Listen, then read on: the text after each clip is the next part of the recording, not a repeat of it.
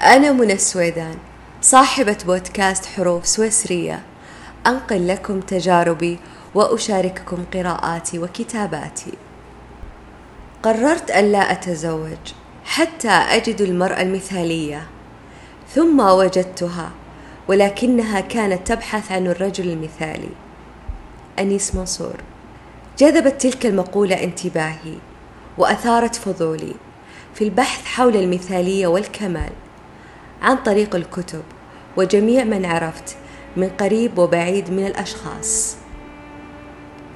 تأملت أشخاص مثاليين في حياتهم وفي اتخاذ قراراتهم وإنجازاتهم وعدد مرات الفشل وجميع عثراتهم فمنهم من فشل في حياته الزوجية أو العملية أو الاجتماعية رغم محاولتهم النجاح.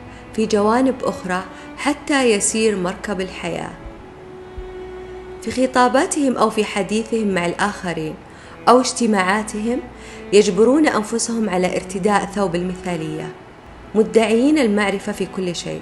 الحوارات معهم مملة وغير ثرية لا يشعرون بقيمة ما يفعلون وذلك لبحثهم المستمر عن الكمال والمثالية.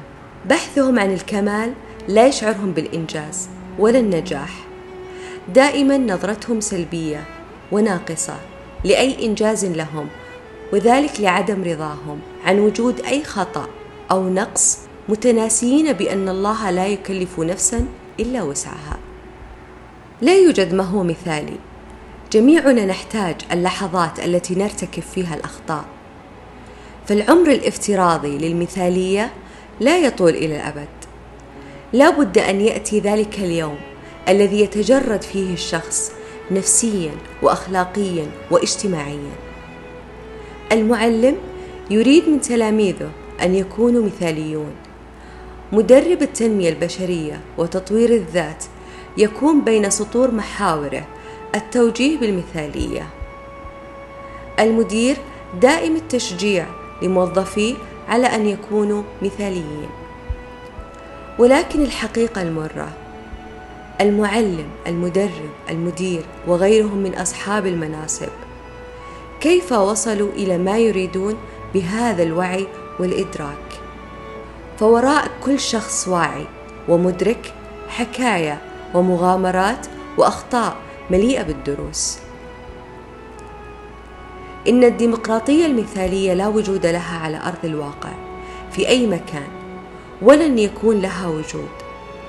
فلو كانت الحياة إيجابية مستمرة حياة تخلو من الأخطاء والمشاكل والألم والضغوطات والفشل لن يكون لدينا ما نفعله ونتعلم منه.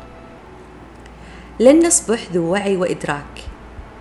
لنتأمل قليلا في العمل تحت الضغوط لوقت استمر لمدة ساعات طويلة. ولن يكون هناك لحظات توقف. لتستلذ بكوبا من القهوة أو الشاي. مستمتعا بالحديث مع الأصدقاء.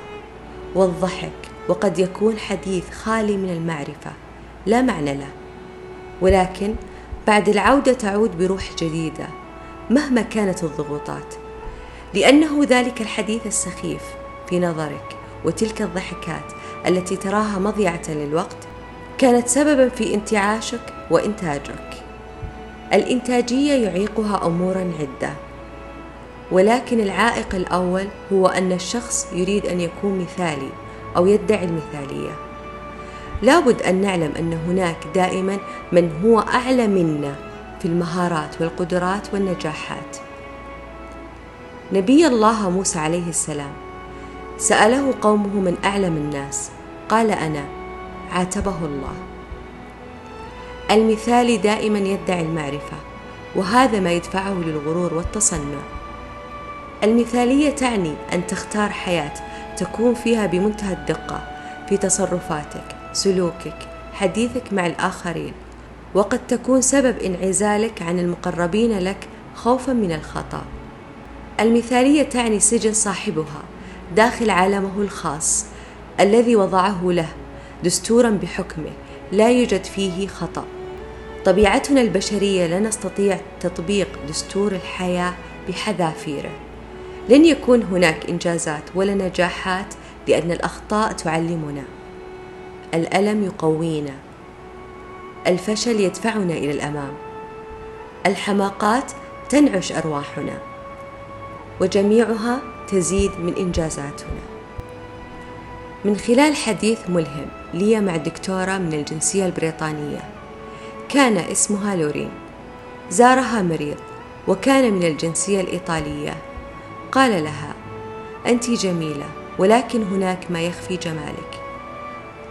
ابتسمت لورين ولم تعلق ولكن مريضها أصر بأن يعرف إجابتها. أجابت أعمل لمدة ست أيام في الأسبوع. لا أمتلك الوقت الذي أهتم فيه بجمالي في يوم إجازتي أتفرغ لأطفالي ولم أفكر بتاتا بأخذ إجازة من العمل وذلك بدافع الحرص والسعي وراء نجاحي كدكتورة مثالية في عملها والتزامها الدائم مع مرضاها. نظر إليها بتعجب. قال لها جميعنا نحب ما نعمل أو قد يكون نحب العمل من أجل المال ولكن النتيجة واحدة.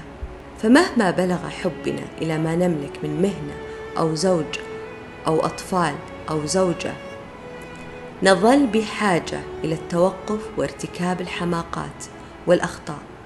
أن نبتعد عن الواقع بحثا عن الانتعاش والتجدد أثناء عودتنا للواقع. سألته لورين إلى ماذا تلمح؟ أجابها أحببت زوجتي لدرجة الجنون. ولكن كنت أحتاج إلى وقت أبتعد عنها لأجدد حبي واشتياقي لها لأعود لها مغمورا بمشاعر جياشة من الحب والشوق. هكذا نحن البشر لنجدد وننعش أرواحنا. نحتاج إلى لحظات نتجرد فيها من كل القيود. المثالية رداء أسود قد تهدر الكثير من جهودك فكل ما يبدو لك أنه يحتاج للقيام به بشكل مستمر لا يعني القيام به دائما. المثالية سبب في فشل علاقتك العاطفية والاجتماعية والعملية. المثالي الأسطوري لا ينجح في علاقته العاطفية. ماذا قالوا عن المثالية؟ المثالية هي ملاحظة الشخص أن رائحة الورد أفضل من الطماطم.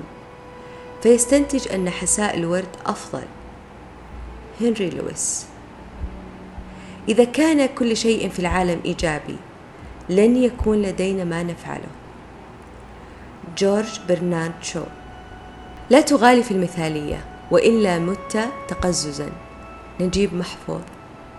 توقف عن ادعاء المثالية. ولو كنت فعلا بهذه الروعة فتوقف عن الحياة.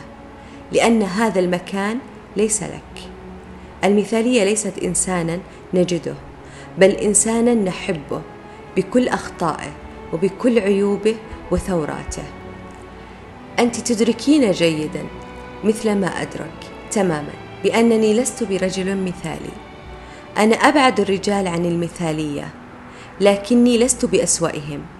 حتى وإن أصررت على إني كذلك. أدرك بأنك ترين بي وحشا مسعورا يفترس النساء ليرميهن بعد افتراسهن من دون إحساس بالذنب. لكني لست كذلك. لست إلا رجلا بكل ما في الرجال من مساوئ ومن مزايا. رجلا تملأه العيوب مثل ما يتجلى بالكثير من المحاسن. الذي لا أعلم لماذا لا تبصريها لا ببصرك ولا حتى ببصيرتك. مقطع من رواية فلتغفري. إذا ما هي المثالية؟ هي سراب ووهم. وعمى للبصر عن جمال الحياة بجميع أشكالها. لا يوجد في العالم من هو كامل ومثالي. يوجد المتقن والمميز والمبدع والاحترافي.